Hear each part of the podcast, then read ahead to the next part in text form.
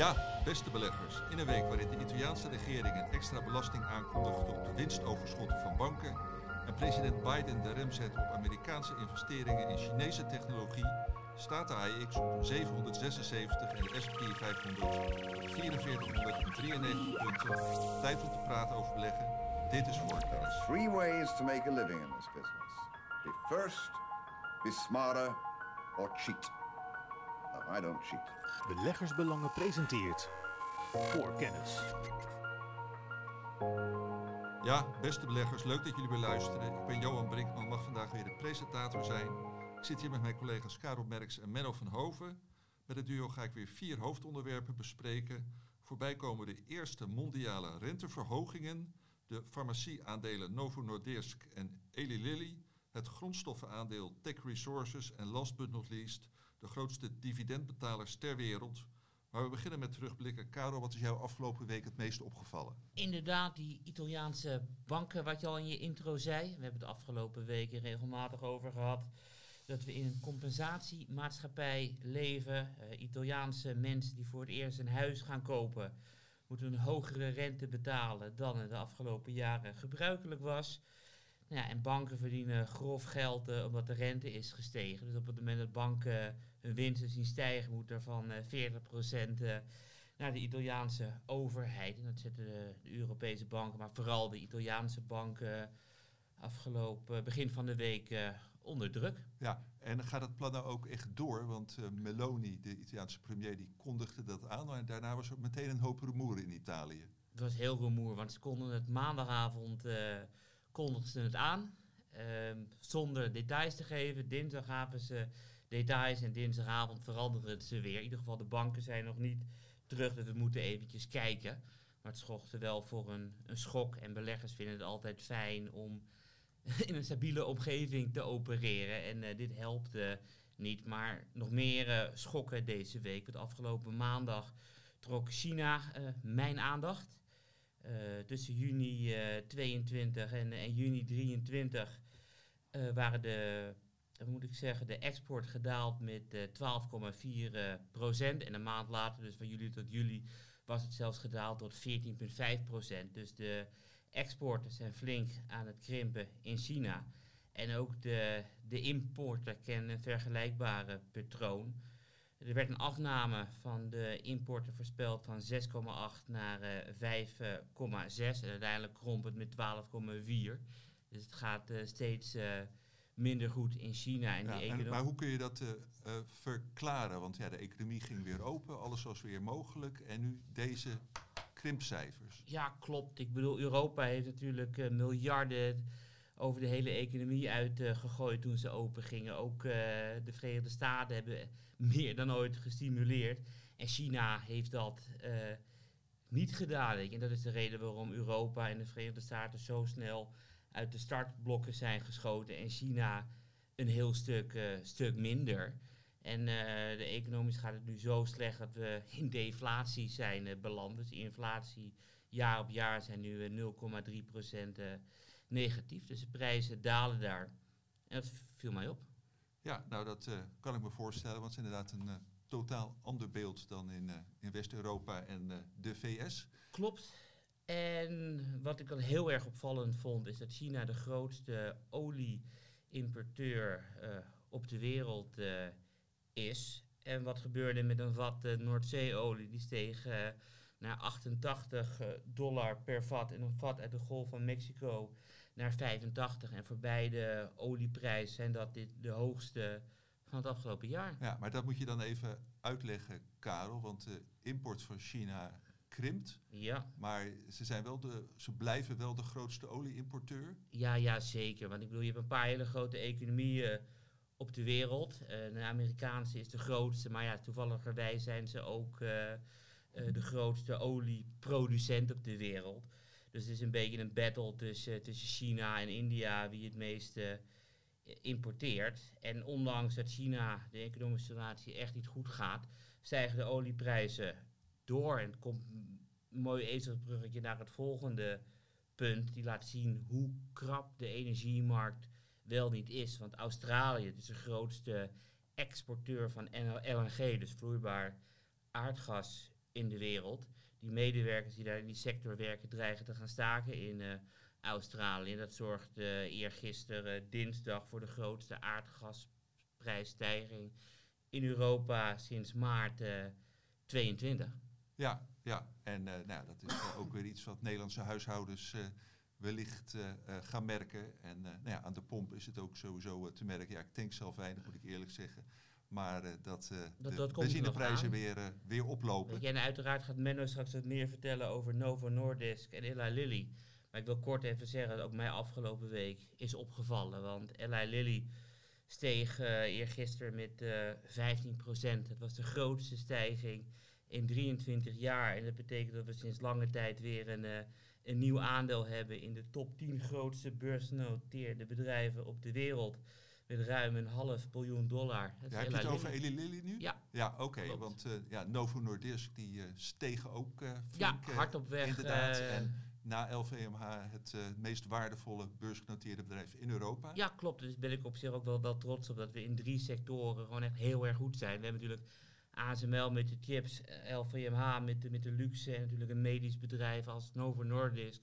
Als met stip de drie grootste bedrijven in Europa die echt heel goed meedoen op het wereldtoneel. Ja, oké.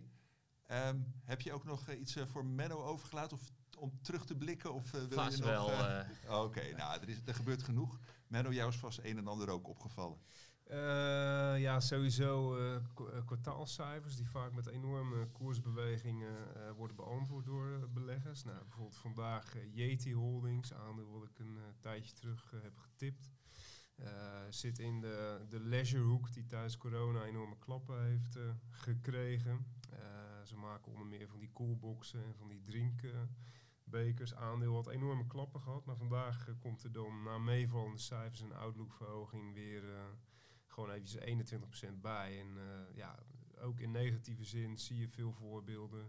cijfers worden gewoon, en natuurlijk vooral bij aandelen die rond all-time highs noteren als je dan tegenvalt, ja, dan uh, ga je heel hard onderuit.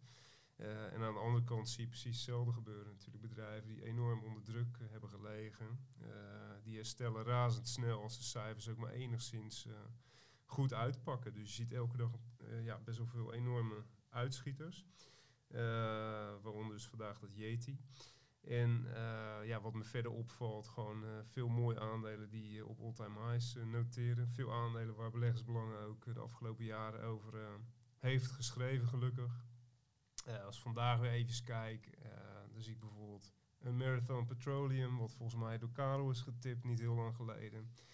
Uh, of bijvoorbeeld een Marriott International, wat uh, ja, afgelopen jaar nog getipt is, ooit ook in de dividendportefeuille, wat helaas daaruit moest vanwege de dividendschrappen. Dus uh, ja, de, de markt die kabbelt door, maar stockpicking is gewoon heel belangrijk. Ja, je zegt kabbelt door, maar ja, juist met hele grote uitslagen naar boven en naar beneden. Ja, nee, precies, precies. Maar per saldo gaan we nog steeds, vandaag schieten we dan weer omhoog. Dus ja, het is echt een, echt een markt al tijden eigenlijk voor, uh, voor stockpickers. En uh, ja, soms kan het heel goed uitpakken, soms wat minder. En dat is ook wel een leuk bruggetje naar zometeen het onderwerp over Eli Lilly en Novo Nordisk. Ja, ja. Hey, en kun je meteen vertellen, Menno, waar je afgelopen week over hebt geschreven? Ja, dat is een hele goeie, want ik was natuurlijk met vakantie. Maar ja, toch heb je drie pagina's in ons magazine van deze week geschreven. Precies, dus, precies. Uh, en uh, een van de vaste onderdelen uh, is natuurlijk dividendnieuws, wat ik ook, ja, wat ik periodiek bijwerk. En daarnaast natuurlijk de dividendportefeuille. en daar zie je wel, om daar mee te beginnen, dat de laatste weken we hebben een aantal nieuwe aankopen gedaan. En per saldo zitten een paar hele grote uitschieters bij en een paar hele grote dalers. Per saldo is ongeveer uh, gelijk. Ja, en ook daar geldt weer dat stockpicking en vooral ook dat timen van die markt is gewoon zo lastig. En ik pretendeer ook absoluut niet dat ik dat kan. Sterker nog, ik zeg eigenlijk dat niemand de markt goed kan timen. En ja, het enige wat ik daarover kan zeggen, laat je niet te veel leiden door die koersbeweging op korte termijn. Ook voor die nieuwe dividendportefeuille aankopen. Ik zag op Twitter ook een bericht, moet ik nu bijkopen? Nee, je moet gewoon blijven zitten. Je, je neemt één keer positie voor een bepaalde weging. Uh, gaat een aandeel omhoog, is dat hartstikke mooi. Blijf je gewoon je dividendjes herbeleggen. Maar gaat een aandeel omlaag, precies hetzelfde doen. gewoon die dividenden herbeleggen. eh, met het idee dat uiteindelijk die koers ook gewoon eh, weer gaat herstellen. Maar ga zeker niet bijkopen, want dan heb je zo'n eh, naar verhouding te grote positie. En ja, niemand weet bij welk bedrijf dan ook of het uiteindelijk toch een keer heel erg mis kan gaan. En als dat gebeurt, eh, ja, dan wil je niet eh, bijgekocht hebben in een, eh, ja, noem maar een Just Eat Takeaway gevalletje, wat, wat steeds verder blijft wegzakken. Gewoon één keer positie nemen als je ergens in vertrouwt tegen een bepaalde of ergens op, op vertrouwt tegen een bepaalde koers. En alleen als je echt conviction hebt, kun je die positie wel iets uitbouwen. Maar ga vooral niet bij elke keer als een koers daalt hapjes bijkopen. Zo zou ik het in ieder geval nooit doen, want daar heb je gewoon je dividend voor. En daarmee koop je ook automatisch bij. Oké, eh, nou, wijze beleggingsles zomaar eh, in, een, eh, in een terugblik op de week, maar hartstikke Ja, goed. En ik wou overigens Menno ook nog wel even van de gelegenheid gebruik maken om aan de luisteraars te melden van op de dividendvoorbeeldportefeuille die Menno al sinds 2011 beheert. Eh, nou ja, zoals de meeste van de luisteraars weten, is daar ook eh, eh, op gebaseerd een eh, beleggingsfonds waar beleggers met één druk op de knop de hele portefeuille kunnen kopen. En nou, die beleggingsfonds is al enige tijd beschikbaar bij Saxo. Maar gelukkig, want we krijgen er veel vragen over van de beleggers. Sinds eind vorige week ook bij de Giro en ook bij ABN AMRO. Dus nou, dat zou ik toch even melden, want het is iets wat, ja, waar beleggers echt wel op zitten te wachten gezien het grote aantal vragen. Eh, Karel, eh, het magazine van afgelopen week, wat kunnen we daarin lezen van jouw hand? Uiteraard eh, Duolingo, want ik vind het een prachtbedrijf en ze kwamen afgelopen week met cijfers. Actieve gebruikers groeien als kool, afgelopen kwartaal weer met 62% en ze hebben nu eh 21,4 miljoen dagelijkse gebruikers. En het concern heeft de, jaar, de verwachte jaaromzet voor 2023, dus dit jaar, verhoogd naar 15 Oh, 15 hoor mij nou, 516 eh, miljoen, dus een half miljard. En dit laat zien eh, waarom ik zo in Duolingo geloof. Want ze hebben een marktaandeel wereldwijd van minder dan 1%. Dat heb ik als volgt berekend. Eh, er zijn wereldwijd eh, 2 miljard mensen die een, een vreemde taal leren. En er wordt totaal wereldwijd eh, 60 miljard eh, dollar uitgegeven aan het leren van, van talen. Dus 1% is eh, 600 miljoen. En daar zitten ze nog niet eens aan. En het grappige is dat Duolingo eh, niet alleen eh, steeds meer marktaandeel aan het veroveren is. Ze zijn ook nog een keer de markt aan het groeien. Want ze hebben één verzadigde markt. Dat is de Verenigde Staten. En 80% van de eh, gebruikers in de Verenigde Staten die een taal leert via Duolingo, leren daarvoor nog, eh, nog geen eh, tweede taal. Dus de markt groeit, Duolingo laat de markt groeien. En ik geloof dat dit echt wel een, nou, althans, ik, zeg denk, maar ik hoop dat dit een positie voor de komende 10 of 20 jaar eh, zal zijn. Maar we gaan het zien. Ja, en Karel, ik hoorde jou vanmiddag of vanochtend op de redactie een leuke anekdote vertellen over Duolingo en de film Barbie.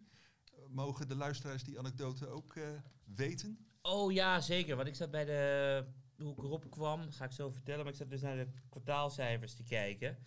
Eh, en daar vroeg dus een analist... eh Je bedoelt waarom een het- analistencall. Ja, eh, de analistencall, eh, klopt Johan. Daarin werd gevraagd, van ik zat de film Barbie te kijken. En het viel op eh, hoe uitgebreid het over Duolingo ging. Eh, dus hij vroeg van hoeveel hebben jullie de film eh, Barbie betaald eh, om Duolingo te mogen gebruiken. Ik zeg, nou ja, we hebben helemaal eh, niet eh, betaald. Ze hebben ons eh, zelf eh, benaderd, dus de Barbie-makers aan Duolingo, of ze het in de eigen film mochten gebruiken. Dus het laat wel weer zien dat het gewoon echt, eh, echt heel groot is. Ja, oké. nou, we wachten gewoon af bij Barbie 2 of ze vragen of daar in beleggersbelangen gelezen wordt. Dus eh, wie weet. Hartstikke goed. Dank jullie wel. Voorkennis. Eerste hoofdonderwerp. We hebben het natuurlijk jarenlang nu al gehad over de renteverhogingen. Eh, ik zei het eh, volgens mij in de, eh realiseer ik me nu in de inleiding verkeerd, want we gaan het nu namelijk hebben over renteverlagingen. Klopt. Dus moet ik mezelf even corrigeren. De eerste mondiale renteverlagingen die zijn namelijk onlangs geweest. Van de En- belangrijke landen. van de belangrijke Van de landen. belangrijke landen. En eh Karel gaat vertellen, vertellen welke belangrijke landen dat zijn en wat hiervan eh, de achtergrond is. Ja, eerst even een stukje geschiedenis. Vroeger was de financiële wereld eh, volledig op de Verenigde Staten gebaseerd met de dollar als wereldwijde reservevaluta. Dus op het moment dat de Fed de rente verhoogde, zag je dat andere centrale banken volgden. Eh, en vooral uit de opkomende markt liepen soms één of twee jaar achter. In maart 21 eh, nou ja, was er een opmerkelijke omzwaai. Want toen eh, begon Brazilië om de rente te verhogen met als doel de inflatie te temperen. Diezelfde maand was het Rusland, een maandje daarna was het Polen, Chili, een maandje daarna was het Hongarije en Zuid-Afrika volgde in, in juli van dat jaar. En opvallend genoeg zei de Fed, ik doe niet mee, de rente blijft op eh 0% zijn, staan. En toen hadden we de beroemde woorden eh, temporary, of eh, transitory moet ik eigenlijk zeggen. Transitory, dus tijdelijke inflatie. Nou ja, uiteindelijk hadden die opkomende markten gelijk. En zat de Verenigde Staten en Europa er compleet naast. Dus ze liepen voor. Het grappige is dat in de afgelopen jaren dit ook is opgemerkt door de kredietbeoordelaars. Dus bijvoorbeeld eh, Brazilië kreeg een positieve outlook eh, van S&P. Onlangs werd de Verenigde Staten nog gedowngrade eh, door Fitch. Ehm, Fitch had eerder al Frankrijk gedowngrade. Dus je ziet wat meerdere downgrades in de ontwikkelde wereld en meerdere upgrades in, in de opkomende wereld. En S&P had daar een leuk statistiekje van. De afgelopen twaalf maanden hebben ze drie landen uit de opkomende markten geupgrade naar een A-rating. En er kwamen vier landen bij met een triple B-rating. En alles boven triple B wordt beschouwd als eh, investment eh, grade. Dus we zien een hele duidelijke trend van steeds betere huishoudboekjes in de opkomende markten en steeds slechtere huishoudboekjes in de ontwikkelde wereld. Mee door die eh, biljoenen die Europa en eh, Amerika tijdens de COVID-pandemie in de economie hebben gepompt, wat opkomende markten nooit gedaan hebben. En nu eh, is de inflatie onder controle, Johan. Ja, Dus we begonnen met, met Chili renteverlaging, week daarna Brazilië. En als je nu een analist vraagt wat gaat er de komende maanden gebeuren, dan krijg je een hele ranglijst van Mexico, Peru, Polen en landen die zullen volgen. ja, maar daar zijn dan eh, eh, renteverlagingen, maar de rentes blijven wel op behoorlijke hoge niveaus, toch? Ja, maar ze dachten bij eh, Brazilië, er gaat misschien één of twee kwartjes eh, vanaf. En volgens mij werd het eh 75 of een procentpunt. Dus het gaat, het gaat wel heel snel. En de rentes zijn inderdaad heel erg hoog. Weet je, en de kerninflatie zal in Brazilië zal 5% zijn. En de kerninflatie in de Verenigde Staten werd vandaag bekend, was 4,7. Dus afgerond ongeveer gelijk. De rente in de Verenigde Staten staat op 5,5 en de rente in Brazilië staat nu op 12, komma nog wat. Dus de rentes zijn heel erg hoog. Weet je, en met zo'n groot gat tussen rentes en kerninflatie, weet je gewoon zeker dat die inflatie getemperd is in de opkomende markt. Dus ze hebben echt ruimte om de economie te stimuleren. Ja, en dit is eh, macro-economisch natuurlijk eh, hartstikke interessant, maar kun je er als eh, Nederlandse particuliere belegger ook wat mee met deze informatie? Jazeker. Ik bedoel, die heeft uiteraard deze week eh, de beleggersbelangen gelezen die vandaag op de, op de deurmat valt of morgen.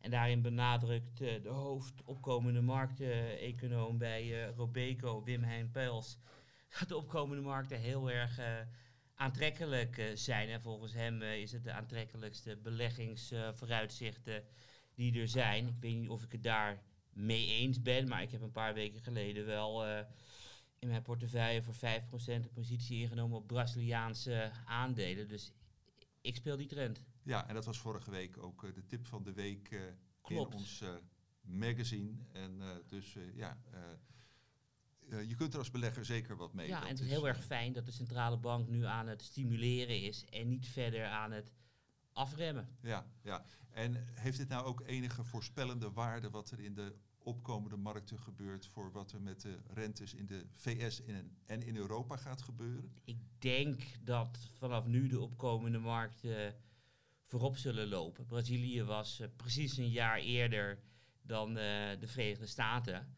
Weet je, ik ben nu heel nieuwsgierig hoe nu die vertraging is. Ik bedoel, ze lopen sowieso achter. Maar de vraag is, lopen ze weer een jaar achter? Is het langer of is het, is het korter? Ik ben Ja. heel erg benieuwd. Maar eh, Karel, ja, dat krijg je als je iedere week eh, in de podcast zit. Eén of twee weken geleden eh, hoorde ik jou argumenten noemen waarom er in ieder geval in het Westen een tweede inflatiegolf zou kunnen komen. Klopt. Eh, als er zo'n tweede golf komt, dan kan die rente eh, in het Westen dus niet omlaag. Nee, die lopen dan heel erg achter. Weet je, en- en dat heeft weer te maken met dat huishoudboekje van de regering van Biden. Die heeft een begrotingstekort van 9%.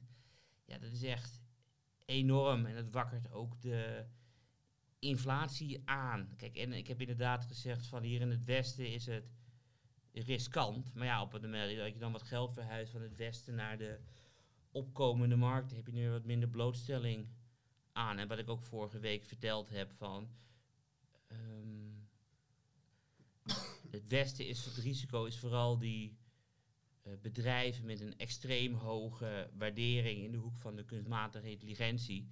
En we hebben natuurlijk ook toegezegd van ja, als je echt in het Westen wil beleggen, en dat wil ik, koop dan bijvoorbeeld een, een fundamentele index waar gewoon echt geld wordt verdiend en er geen verwachting is voor de toekomst. Nee, helder.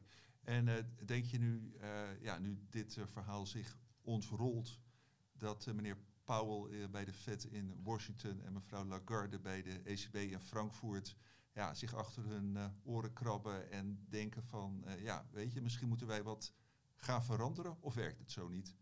ik, ik hoop het. Ik, ik, ik, ik hoop het. Wat ik bedoel, op lange termijn is een goed huishoudboekje belangrijker. En volgens mij ligt dat meer bij eh, de regeringen dan bij de centrale banken. Dus ik hoop dat wij in het Westen wat meer gaan nadenken over de euro's en dollars die we hebben. Ja, Ja. oké. Eh, en dat is het dan inderdaad iets van de, de nationale regeringen, inderdaad. Eh, Menno, jij staat niet eh, bekend als een liefhebber van inflatie en rente. Eh, Sterker nog, het boeit volgens eh, weinig. Maar ik bedoel, ik weet wel dat jij je met, eh, met opkomende markten, in ieder geval in het verleden, wel hebt eh, bezig eh, eh, gehouden. Volg jij dit ook of zegt je ook de Centrale Bank van Chili helemaal niks? Nee, dat zegt me inderdaad. eh dat is een beetje vraag naar de bekende weg natuurlijk. Maar dat zegt me inderdaad helemaal niets. eh. Maar gelukkig iedere, ba- iedereen bij beleggersbelangen heeft zijn eigen specialiteit. Dus eh, Ja, ja. die van mij is dividend. Ja, nee, dat, eh, dat, dat dachten we al. Dat hebben we al, eh, al opgemerkt. Nee, nou, dan kunnen we gewoon dit eh, hoofdonderwerp afronden. Voorkennis. Ehm, en eh, ja, dan gaan we naar een hoofdonderwerp toe waar jij eh, je vandaag zeker ook nog goed in hebt verdiept. namelijk, eh, Menno, de farmacie-aandelen Novo Nordisk, waar we het al even over hadden, en Eli Lilly. Yes. Eh, ja, misschien kun je wat over die aandelen vertellen en eh, ja, beschrijven wat daar nu eh, bijzonder aan is. Ja, sowieso zijn twee aandelen die ik eigenlijk al een tijd volg, maar niet, niet zozeer inhoudelijk dat ik precies weet wat ze doen, et cetera. Nou, vandaag natuurlijk wel een stukje meer als voorbereiding op deze podcast. Maar natuurlijk vooral vanwege het dividend, maar daar kom ik zo op. En ga dan ook zo aan het eind eh, vertellen waarom, ik deze aande waarom deze aandelen niet in de dividendportefeuille zitten. En waarom ze er nu, eh na wat er allemaal gebeurd is eh, de afgelopen maanden, vooral ook voorlopig niet in gaan komen. Maar dat terzijde, nee, het is, ja, dit is echt een enorme opvallende ontwikkeling. We hadden het er al eerder over met Stefan ook in voorgaande podcasts. En ja, jullie zijn er ook allebei al mee bezig geweest eh, deze week eh, in het magazine of eh, op een andere manier. Karel heeft Novo Nordisk nog een keer getipt, niet heel lang geleden.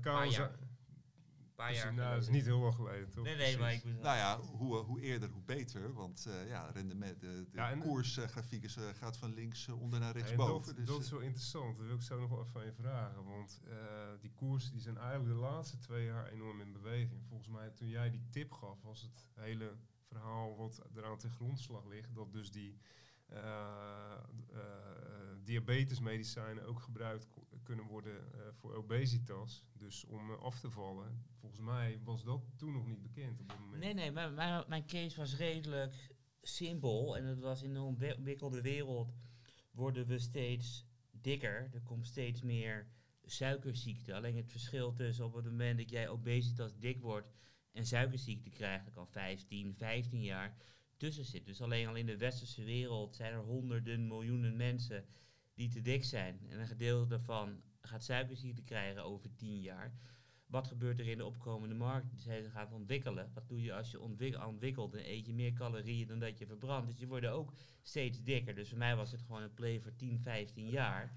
Inspelen op iedereen die erachter achterkomen dat je suikerziekte gaat krijgen. En al die ontwikkelingen die nu komen, had ik uiteraard uh, niet voorzien. Nee, precies. Dat is nou het mooie van dit soort aandelen. Ja, in dit geval. als de trend uh, positief is, dan word je altijd verrast door positieve uh, verrassingen. Want die standaard medicijnen zijn Zeker. nodig. En op het moment dat je ook nog uh, je, je, hart kan verbeteren en tegelijkertijd kan afvallen, heb je allemaal bonussen. Ja, kijk, Dus- Karel die neemt gewoon het hele verhaal nu over. Dus dat is heel mooi. Jij had een Nee. vraag.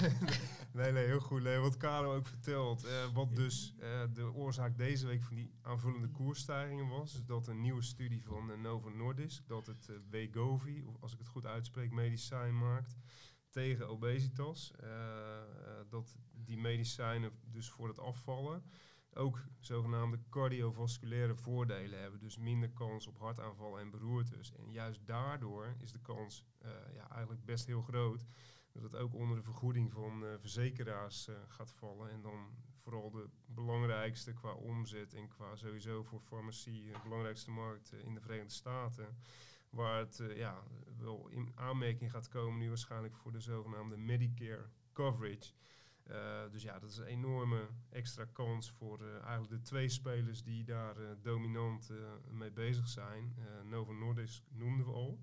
Die heeft dus al dat product op de markt. En Eli Lilly is een tweede hele grote speler. Amerikaans farmaciebedrijf, veel breder gespreid qua activiteiten. Daar kom ik zo nog even op. Maar die hebben dus ook een product dat heet Mounjaro. En dat wordt nu alleen gebruikt voor, voor diabetes. En daarvoor is goedkeuring aangevraagd voor obesitas. Maar het grappige tussen haakjes is dat het me- medicijn ondertussen al wel door artsen wordt voorgeschreven. Dus ze behalen al wel omzet mee. En dat ja, groeit explosief. En eh, beide bedrijven die zijn ook recent eh, met een eh outlook-verhoging weer gekomen. Ja goed, hoe werkt dat dan? In het geval van Novo Nordisk nemen mensen één keer per week een injectie van dat middel Wegovy. Kost trouwens 13.000 dollar per jaar voor één persoon. Dus eh dan kun je nagaan wat enorme bedragen daarmee eh, gemoeid zijn. En eh, het is niet zo dat mensen die willen afvallen alleen die injectie nemen. Ze moeten er ook eh, een bepaald dieet bij volgen.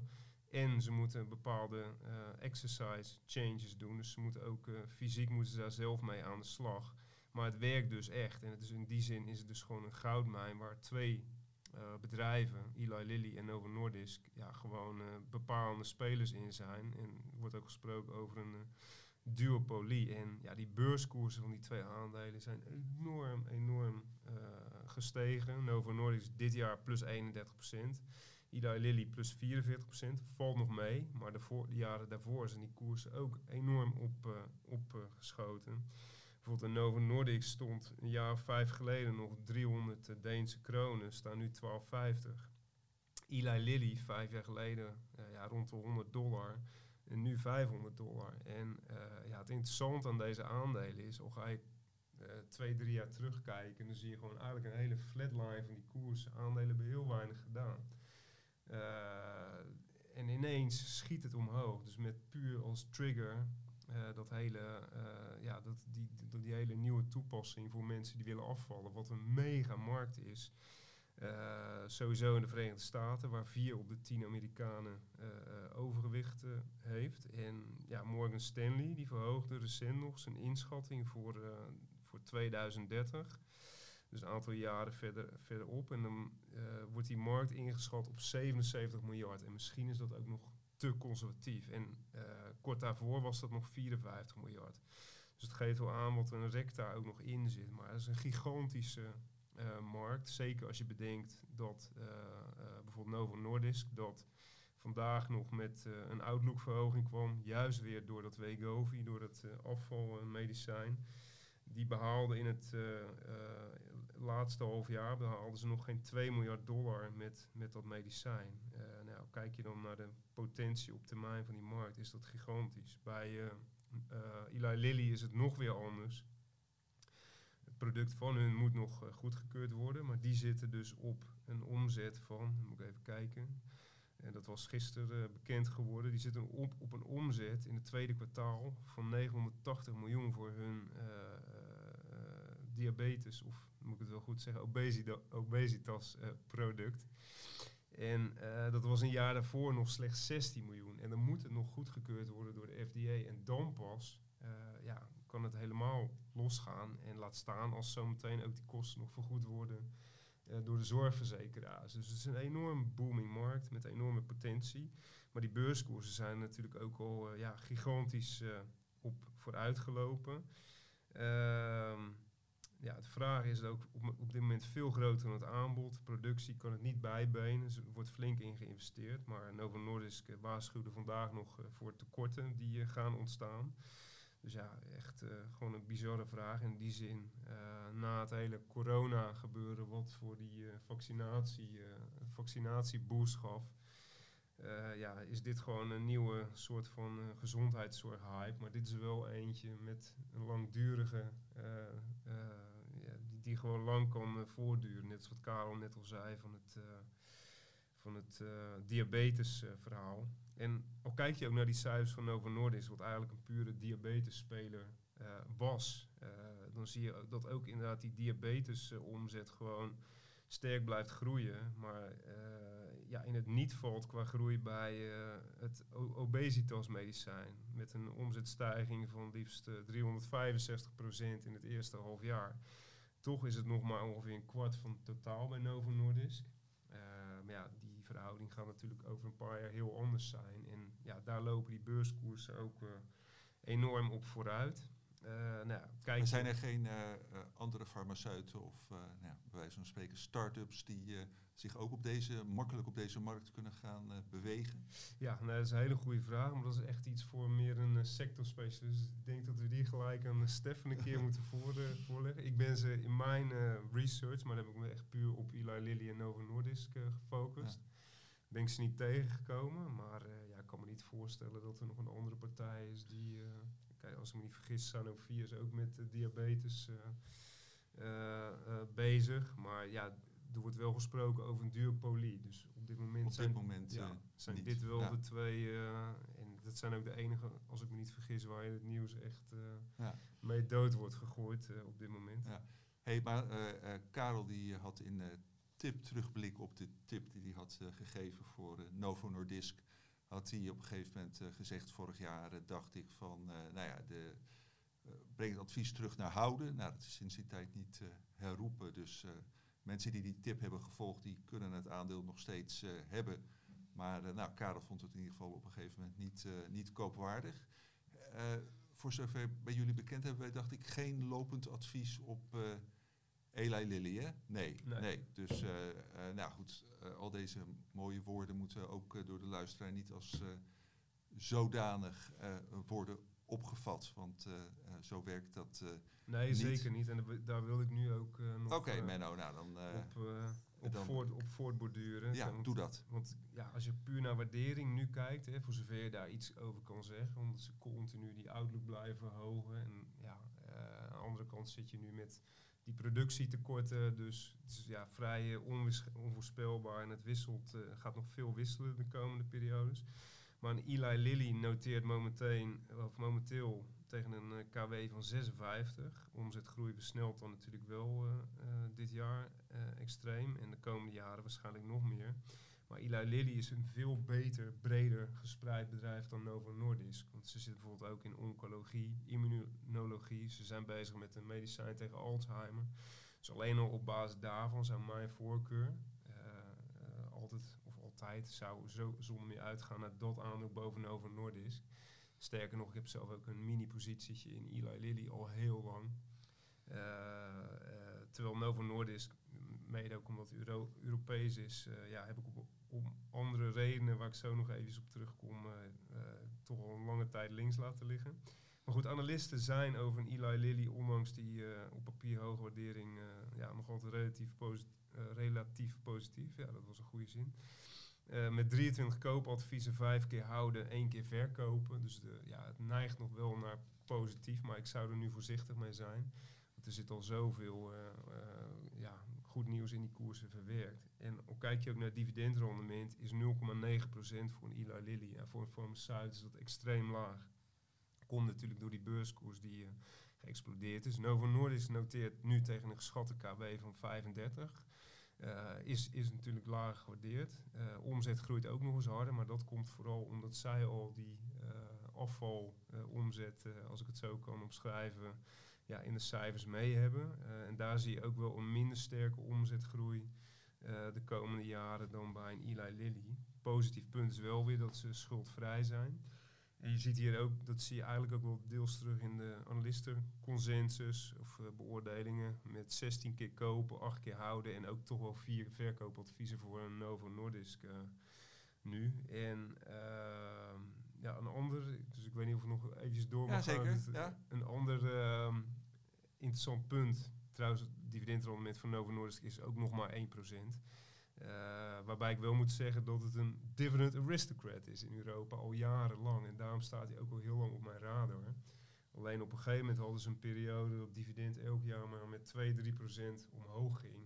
En eh, ja, toen stond ook die hele diabetesmarkt stond in een ander daglicht als nu. Dus minder als een groeimarkt. Eh, en die potentie komt er nu wel helemaal uit. Dat was een aantal jaar geleden minder. Dus toen zijn ze ook een beetje bij mij uit het zicht eh, verdwenen. Achteraf jammer, maar je kan ze niet allemaal kopen. En eh, om gelijk daarop voor te borduren nog een keer. Eli Lilly ja, staat eigenlijk nooit, of heeft nooit op de kooplijst gestaan. Simpel vanwege het feit, eh, de waardering was altijd heel hoog. Ook voor dit verhaal al. En qua dividendgroei bleven ze gewoon heel lang achter. Ze hebben eh, periodes gehad dat ze dividend jaren niet verhoogden. Toen elk jaar 2, 3 procent. Dus het was gewoon niet interessant genoeg voor de dividendportefeuille. En pas de laatste vier jaar zijn ze het met grote sprongen gaan verhogen. En is die koers ook de laatste twee, drie jaar ja, enorm hard eh, opgelopen. Ja, en toen was ik gewoon eh, simpelweg, of op dit moment, eh, ja, qua waardering en qua met een beurswaarde van 500 miljard eh, laat ik ze liever links eh, liggen. En, eh, maar goed, dat terzijde. Laatste puntje wat ik hierover wil zeggen nog, nu gaan we er echt naartoe. was ook een heel interessant research report van de Morgan Stanley in verband met dit hele gebeuren.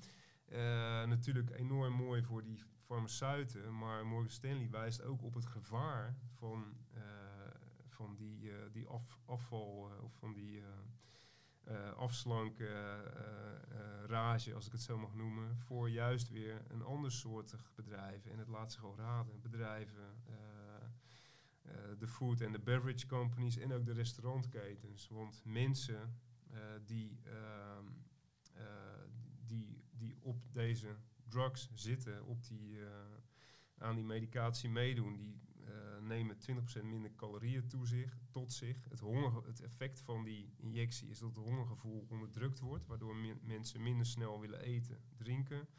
En eh, ja, dat gaat ook gewoon veel bedrijven eh, eh, eh, raken. Eh, en zo wordt bijvoorbeeld voorspeld minder suiker, minder vet, alcohol, zoute snacks. Ja, voorspelbare dingen van mensen die willen afvallen. Eh, en voor de snacks en software drinksmarkt kan dat tegen 2035, als het eh, echt een widespread fenomeen is, wat wel de verwachting is, dat heel veel mensen daar gebruik van maken, kan dat gewoon tot 2, 2 tot 3 procent eh, minder consumptie opleveren. En dat lijkt weinig, maar ja, op de totale markt is het gewoon gigantisch. Dus ook een soort van waarschuwing erbij, heel leuk. Maar als al die Amerikanen zo meteen gaan afvallen en aan het dieet gaan, ja, dan kan het ook wel consequenties hebben voor Ben ik, bedrijven. ben ik heel erg simpel als ik zeg, de markt wordt 2% kleiner. Nou ja, dan verhoog je de prijzen met 4%. Nee, tuurlijk, en tuurlijk. Dus in die zin is het allemaal relatief. Maar ik vond het wel een, een interessant Nou ja, het haakje. heeft een keerzijde. En eh, Precies. inderdaad, het heeft weinig zin om die eh, medicatie tot je te nemen. En eh, je blijft Precies, dat volstouwen met, met hamburgers. Want je kunt denken inderdaad van, nou, ik neem die injectie en dan ga ik gewoon drie keer per week naar de McDonald's in plaats van twee keer. dat Maar kan ook. Het kan ook nog weer de andere kant op. Precies, eh, maar dan, dan werkt het dus niet. Nee, nee. Oh, Dus Oké. Nou, eh, we, zijn, we raken hier eh, tot eh, 2030, 2035 niet over uitgepraat, maar nu wel. We gaan naar het volgende onderwerp. Voorkennis.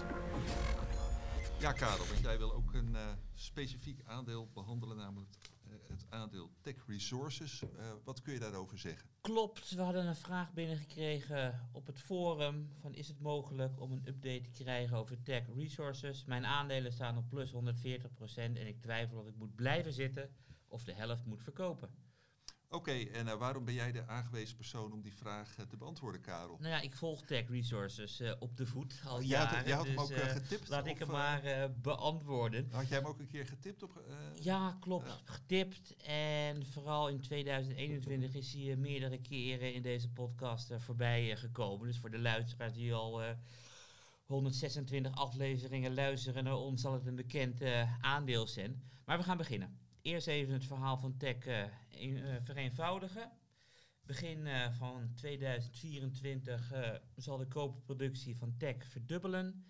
En dan ergens in het begin van de jaren 30 zal het nog een keertje verdubbelen. En daarmee zijn ze in een unieke situatie om hun koperproductie flink te laten toenemen. ja, het is een, een grondstoffenaandeel, Ja, klopt. Ze halen koper onder andere uit de grond. Ja. En elke keer als ik mijn research doe over koper, dan verbaas ik mij hoeveel koper er nodig is eh, om al de duurzame doelen in de komende jaren en tientallen jaren te behalen. En ik twijfelde zelfs over dingen die ik lees in presentaties. Dus ik heb er even aan, aan Maarten gevraagd van reken even met mij mee. Maar we kennen allemaal die mega grote windturbines op zee. En als we zo'n windturbine willen bouwen, hebben wij 125 ton koper nodig. Ja, ton is 1000 kilo, dus het is eh 125.000 kilo. Echt enorm. 7 ton zink en 700 ton steenkool nodig eh, om die staalproductie op gang te krijgen. Het is echt, eh, echt enorm. En toen ben ik wat gaan opzoeken bij het Instituut voor Zonnepanelen. Want in zonnepanelen gaat ook koper. Het is de verwachting dat er tot 2050 alleen al voor de zonnepanelen 2 miljard kilo koper nodig is. Het zijn echt getallen dat ik denk van, waar gaan we dat eh, vandaan halen? En volgens sommige analisten zijn er ook meer plannen eh, voor koper dan dat er werkelijk eh, koper is. Kijk, en de reden waarom ik het aandeel een aantal jaren getipt heb, is omdat er vanaf 2027 echt een enorm gat is tussen het koper wat uit de grond naar boven komt en de koper dat we, dat we nodig eh, gaan hebben. En dat was de reden waarom ik zei, ja, dit is echt iets voor de komende jaren en, en eigenlijk voor de komende 10 à 20 jaar. Dus om alvast die vraag van de lezer te beantwoorden. Ik zou op dit moment eh, niet de helft verkopen en het aanhouden op het moment dat u gewoon een termijn heeft van eh, minimaal nog vijf jaar. En mocht uw termijn korter zijn en het geld voor wat voor reden dan ook nodig heeft, dan verkopen. Want voorspellingen, althans op korte termijn, kunnen de financiële markten overal eh, naartoe gaan. Ik wil ook nog wat feitjes vertellen. Eh, uiteraard is grondstoffen uit de grond halen niet duurzaam en het beschadigt het milieu.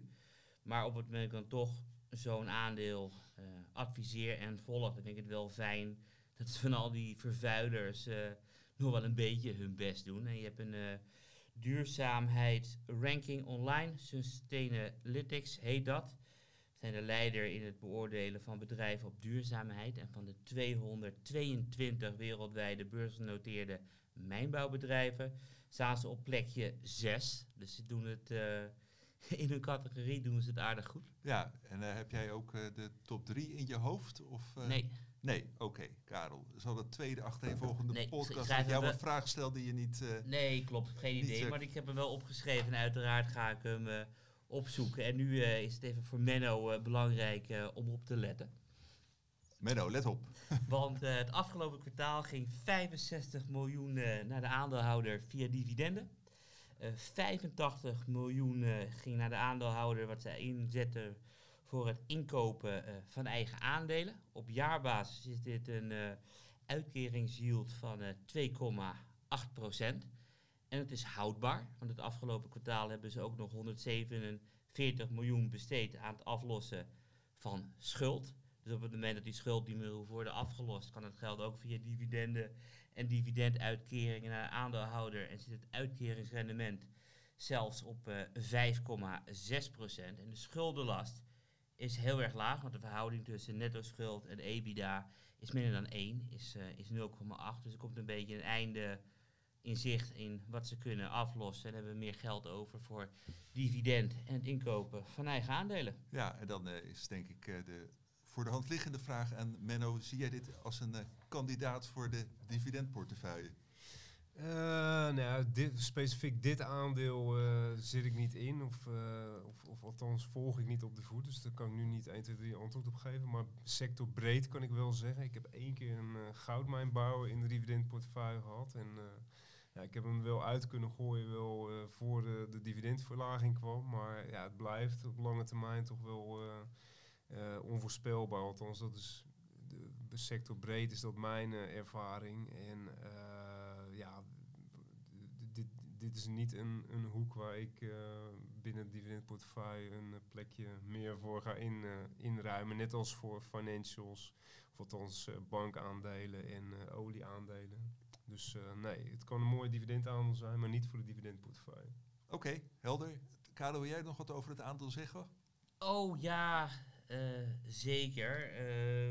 Dus de conclusie is, weet je, met de verwachte tekorten van 2027 van kopers, er zitten ook heel grote in zink, die hebben ook uh, tekorten worden daarvoor verwacht.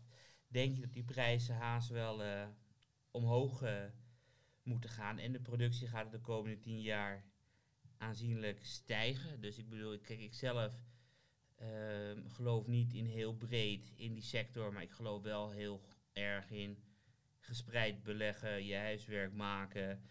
En een mijnbouwbedrijf met nauwelijks schuld laat de snelste koperproductiegroei zien van bijna alle andere bedrijven in de wereld, denk ik uh, dat het wel voorspelbaar is. Maar de toekomst zal het leren. En, en wat is uh, jouw advies op dit moment, Karel, op dit aandeel? Ja, het is een van de aandelen die we natuurlijk niet officieel volgen bij beleggersbelangen. Dus hij staat niet in de koerswijze. Ik, heb het getipt in, in, in 2021, toen was het koop jaar daarna, in 2022, heb ik het op, op, op koop laten staan. Ik heb er nu weer heel erg uh, uitgebreid naar gekeken. Hij staat op mijzelf staat hij op het lijstje van shortlist. Als ik geld over heb, dat ik het wil kopen samen met onder andere Mexico, waar we het vorige week uh, over hadden. Dus dat is bij mijn, mijn shortlist. Dus het advies is ook gewoon uh, kopen op ja, dit moment. En uh, het antwoord voor de specifieke lezer die dus de rit heeft meegemaakt. Uh, uh, neem een deel winst, maar houd het ook gewoon lekker in portefeuille. Ja, maar helemaal afhankelijk van de beleggingshorizon, risicobereidheid ja. en wat hij al heeft. Want ik heb een paar weken geleden dus Brazilië gekocht. Brazilië is het land wat van alle landen de meeste blootstelling heeft aan grondstoffen. Dus ik heb ook gewoon grondstoffen in mijn portefeuille door in Brazilië te beleggen. Dus ik bedoel, dat ik, ik, uh, ik dus koop. Oké, okay, hartstikke goed. Dankjewel, Karel. Voor kennis. En dan alweer het uh, laatste hoofdonderwerp. Uh, ik denk een leuk lijstje, althans dat vermoed ik, van de grootste dividendbetalers ter wereld. Menno, heb ik dan te veel gezegd? Nee, zeker niet. Zeker niet. Ik wilde het eigenlijk een beetje opsplitsen naar regio, uh, land. En ja. Uh, ja, allereerst, hoe kwam ik op dit uh, onderwerp? Ik uh, ja, volg natuurlijk bijna alles wat met dividend te maken heeft. En zo kwam ik een bericht tegen dat Saudi Aramco, het ja, staatsoliebedrijf uit Saudi-Arabië, wat sinds enkele jaren beursgenoteerd is, uh, uh, die kwamen met cijfers, niet goed. Omzet het tweede kwartaal met 38% omlaag. Maar uh, nog steeds, als ik me niet vergis, 30 miljard dollar winst. Dan hebben we het op één, één kwartaal. Hè. En ze waren verplicht om het te laten dalen. Oké, okay, nou dat is dan informatie bedoel, die jij weer. Wat maar ik bedoel, vertel. Aramco is natuurlijk onderdeel van de Saoedische overheid. Klopt, die En hebben die- 90%, van Klopt, de en die hebben ruzie met Biden. Dus Biden vloog naar Saoedi-Arabië om extra olie naar boven te krijgen daar. En toen zat Biden terug in het vliegveld. En toen zei eh, de prins MBS van, weet je wat, we gaan gewoon een productiekat doen. 1 miljoen vaten per dag minder. En een paar maanden geleden was het weer 1 miljoen vaten per dag minder. Wat een boeven. Ja, zeker. Dus ik bedoel, ze moeten een beetje luisteren naar de overheid. Dat is de enige reden waarom de winst daalt. Dat ze weer de vrijheid krijgen om te pompen wat ze willen, gaat het wel weer omhoog. Precies, nou, en dan weet je misschien ook wat ze per kwartaal als basis, en ik zeg nadrukkelijk basisdividend uitkeren. Nou, dat is echt gigantisch. 10 miljard, en dat is alleen het, eh, het, het, het eh, of nee, ik zeg het verkeerd, ik zeg het helemaal verkeerd. De basisdividend per kwartaal is 19,5 miljard dollar dan weliswaar. Dus 19,5 miljard, dat is ongekend, dus bijna 80 miljard per jaar en daarbovenop. Ja, en kun je even voor eh, eh, de, de vergelijking, eh, weet, je, tenminste, weet je wat Shell per jaar uitkeert aan dividend? Eh, Oeh, of- Shell, Of, een, ja. of een ander bekend bedrijf? Twaalf. Ja, ja, precies. Shell zal wel boven de 10 miljard zitten, maar ik weet bijvoorbeeld wel eh, een, eh, de, maar grootste... echt, echt eh, Aramco doet een veelvoud, doet in een nou, het, het is eigenlijk heel simpel. Eén bedrijf, eh, Microsoft, is gewoon na Aramco de grootste. En die doen 20 miljard, maar dan per jaar. En Aramco doet 19,5 miljard per kwartaal. En hebben ze een, bovendien, en dat is het interessante, of het bizarre eigenlijk, hebben ze een nieuw dividendbeleid aangekondigd vanaf komende kwartaal. Waarbij ze een extra dividenduitkering doen op basis van de resultaten. Eh, en dat komt neer op een, ja, ze noemen het een performance-linked eh, extra uitkering op basis van de 50 tot 70 procent van de vrije kaststroom. En dan heb je het voor het komende kwartaal op nog eens een keer extra, bijna 10 miljard, die ik dus in het begin noemde, die erbij komt. Dus dat betekent gewoon 30 miljard op kwartaalbasis wat er wordt uitgekeerd. En ja, het interessante is wel, dit is een ontwikkeling, dus een basisdividend ehm, eh, wat eigenlijk al relatief hoog is. En daarbovenop een variabel dividend per kwartaal afhankelijk van de eh, resultaten. Dat is eigenlijk wat je in de Verenigde Staten de laatste twee jaar bij, eh, ja, afgezonderd van Exxon en Chevron, bij alle grote eh, oliebedrijven ziet. Dus ook een ConocoPhillips, een EOG Resources, wat ik heb getipt. Die betalen gewoon een basisdividend, wat vaak ook nog elk jaar wordt verhoogd. En daarbovenop per kwartaal eh, een extra uitkering. En het interessante is nu, omdat die olieprijs is gedaald, dan zie je dat die extra uitkeringen nu heel hard weer afkomen. Van dollars per kwartaal naar nou, enkele tientallen centen. Eh, maar bij die Saudi Aramco beginnen ze daar nu dus mee. En eh, ja, het is met afstand de grootste dividendbetaler wereldwijd. Dat wisten we natuurlijk al, maar dat wordt alleen nog een tandje groter. Want alleen al aan basisdividend betalen ze dus iets van 150 miljard in 2022 en 2023 bij elkaar. En natuurlijk het grootste deel daarvan verdwijnt in de zakken van, eh, van de overheid, die, eh, zoals we al zeiden, 90% eh, van de aandelen heeft. Dus het zijn gigantische bedragen. Die Maar kun- je kunt er als Nederlandse particulier ook in beleggen bij een Ja. gemiddelde broker. Nee, nee, dat, nee, Karel weet er misschien nog meer van, maar volgens mij is het echt absoluut onmogelijk. Maar institutionele belegger die denk ik heel veel moeite doet en eh, die er gek genoeg voor is, die zou er best in kunnen beleggen. Maar eh, volgens mij is dat zo goed als onmogelijk voor een... eh, Nooit opgezocht. Nee, precies. Nou goed. Maar je hebt waarschijnlijk wel toegang nodig tot de beurs in Riyadh. Nou, dat is het. Dan ga je het bijvoorbeeld bij eh, een De Giro of een Links of Nee, je hebt whatever. geen Saudi-Arabië in het Daarom, pakket. dan ga, je, dat- dan ga je dat niet vinden. Dus dat lijkt me onmogelijk voor een... eh, Oké, maar zelfs voor een, een, een Nederlandse miljardair lijkt me dat nog lastig. ja, ja. Maar wel een eh, interessant weetje. Zeker. Dus ja, in, in, in, eh, in eh, laat maar zeggen, met dat als eh, haakje, dacht ik van, nou, laat ik nog eens kijken van wat eh, betalen nou eh, de meest bekende, grootste Europese, eh, Amerikaanse en ook Japanse bedrijven nou eh, aan dividend, om dat in verhouding te zetten op jaarbasis. Nou, Microsoft eh, noemde ik al, is eh, dus de runner-up met eh, ruim 20 miljard inmiddels. Eh, en er zit een heel groot gat naar Apple, die dan op de tweede plek staat met 15 miljard. En dat komt vooral, en dat is ja, weer het bizarre van Apple, die kopen elk jaar gigantische bedragen eigen aandelen in. Waardoor eh, het aantal aandelen natuurlijk slinkt, waardoor ze weer minder dividend in totaal hoeven te betalen. Dus het dividend per aandeel groeit wel, maar het aantal uitstaande aandelen slinkt. Dus per saldo betaal je minder miljarden. Eh, of althans, je hoeft dat minder te verhogen. En zo wordt het gat met Microsoft steeds groter. Er was een tijd dat Apple eh, meer dividend betaalde eh, in absolute bedragen dan Microsoft. Alleen Microsoft koopt minder aandelen in dan Apple, die, ja, die juist weer minder dividend verhoogt. Dus ja, het is maar net waar je voorkeur ligt. Ik ga voor dividendgroei, maar Apple Ik heb nog wel een vraag. Stel aan iedereen die het over Apple dividend heeft. Als Apple zo blijft doorgaan als ze nu doorgaan, heb je in de jaren 30 geen van deze eeuw geen beursnotering Apple meer, omdat alles is Nee, opgekocht. En dan zijn ja. ze private. In theorie Ik inderdaad. bedoel, mocht eh, een ja. van onze luisteraars ergens wat lezen over waar de grens ligt, ik ben zo nieuwsgierig. Ja. Alleen Nee, niemand heeft daarvoor eh, een antwoord. Ik heb het aan analisten gevraagd van, straks Ja. bestaat Apple niet meer, want alles is opgekocht. En volgens mij juist die buybacks ook een van de belangrijkste redenen dat Buffett er zo groot in zit en er zo'n Ja, succes ja, maar hij eh, zegt altijd, ik koop aandelen eh Berkshire in. En daarmee heb je dus inkoop op inkopen. En dat geeft er weer een resultaat. eh. Ja. ja. Nee, ja, zeker als je geen betere besteding voor je cash hebt, ja, dan is het gewoon een no-brainer. Alhoewel ik wel zelf altijd zoiets heb van liever tegen lagere koersen dan tegen all- all-time highs. En, maar goed, volgens mij is de koers van Apple ook wel weer wat eh, afgekomen. Maar goed, we dwalen af, dat terzijde. In de Verenigde Staten zijn er dus in totaal 26 bedrijven met een dividend van meer dan 5 miljard. Waaronder dus eh, Apple, Microsoft en nog een vijftal die boven de 10 miljard per jaar zitten. Exxon, Johnson Johnson, JP Morgan, Chevron en Verizon. En eh, in Europa is de spoeling dan al een heel stuk dunner.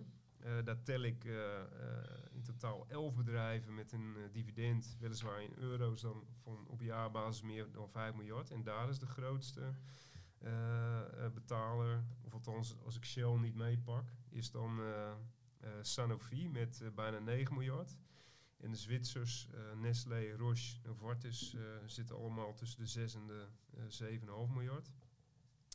Dus ja, het is een hele, hele, andere, hele andere orde qua, qua grootte en aantallen. Wat eigenlijk ook weer niet heel erg verrassend is. Kijk je dan naar Japan, heb ik er ook nog eventjes bijgepakt, eh, omdat ik het gewoon leuk vind. Eh, en omdat ik die markt best wel volg. Eh, daar is slechts één bedrijf wat meer dan 5 miljard per jaar uitkeert. En dat Dollars of euro's. is in euro's ook dit, ja, ja. En dat is Geen idee. autootjes. Toyota. toch? Toyota, ja, ja. Ja, ja, dat- dat- Precies. Nee, die is ook, maar die zijn ook qua market cap verreweg het grootste beursgenoteerde bedrijf in Japan. Zitten, zitten nu in euro's op 288 miljard eh, beurswaarde. Betalen 6 miljard dividend. Eh, maar kijk je bijvoorbeeld naar een eh, Mercedes, zit ook op 5,5 miljard dividend. BMW 5,5 miljard dividend. Dus dat is wel, terwijl die een veel kleinere market cap hebben dan, dan Toyota. Maar goed, andere aandelen in Japan, waar er overigens ja, maar iets van 15 zijn die meer dan 1 miljard betalen. Wat ook wel weer aangeeft, je hebt heel veel beursgenoteerde aandelen in Japan, maar eigenlijk heel weinig echt grote bedrijven. Eh, of althans relatief grote bedrijven. Het is echt een markt met heel veel mid- en small caps. Eh, andere bekende namen die veel uitbetalen, bijvoorbeeld een Softbank. Nou, heeft iedereen wel eens van gehoord, bijna 3 miljard op jaarbasis. En een Nintendo, ook nog 1,8 miljard eh, op jaarbasis. Ook wel een relatief groot bedrijf met eh, 48 58 miljard euro beurswaarde. En eh, ja, dan kom je ook uit bij aandelen als een Honda, Mitsubishi, eh, Japan Post, eh, Japan Tobacco zelfs.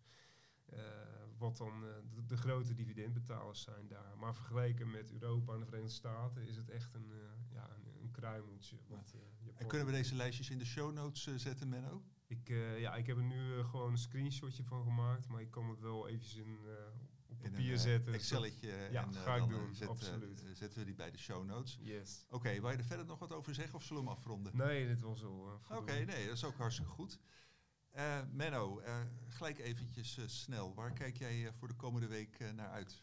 Ja, nou, qua cijfers hebben we volgens mij het meeste wel achter de rug. Maar ik zag er nog komende, komende dinsdag twee uit Zwitserland, die allebei in de dividendportefeuille zitten. Tecan en een recente aankoop Strauman. Dus die komen allebei met cijfers. En eh, ja, eh, daar gaan we eh, belangstellend naar uitkijken. En eh, daar gaan we nog over schrijven. Ja, bij zo'n nieuwe aankoop is het natuurlijk wel, wel spannend Ja. wat hij wat hij doet. Nee, absoluut. Oké, en Karel, waar kijk jij met name naar uit? Eh, niets. Niets. Nee, ik bedoel, kijk, ik, ik pak natuurlijk de aandelen die ik zelf volg, of de aandelen die ik zelf heb, en die zijn allemaal geweest al. Dus nu ga ik weer verder kijken naar mijn andere posities in mijn portefeuille, bijvoorbeeld zilver. En elk kwartaal komt er ook de Silver Council uit met hun kwartaalrapportage. En zo loop ik alles even, even langs. Maar dan kijk je daar wel naar uit, denk ik, toch? Ja, maar het rapport is ook al uit. eh maar ik moet dus meer gewoon dat ik daar nu wel tijd voor heb, waar ik normaal geen tijd eh nee, nee. Nou, voor he- heb. hele goede benadering, eh, Karel. Oké, nou dan zijn we aan het eind gekomen van deze podcast. Eh dankjewel Karel, dankjewel Menno. En eh, vooral eh, ook bedankt luisteraars en kijkers. Volgende week zit ik hier met Jeff Thijssen en nog een keer met Karel Merks. De enige beleggersbelangen redacteur die niet in de zomervakantie op vakantie gaat, behalve ikzelf dan. En nou, heeft u vragen aan een van beide heren, stel die via de mail voorkennis.beleggersbelangen.nl. Nogmaals bedankt iedereen en tot volgende week.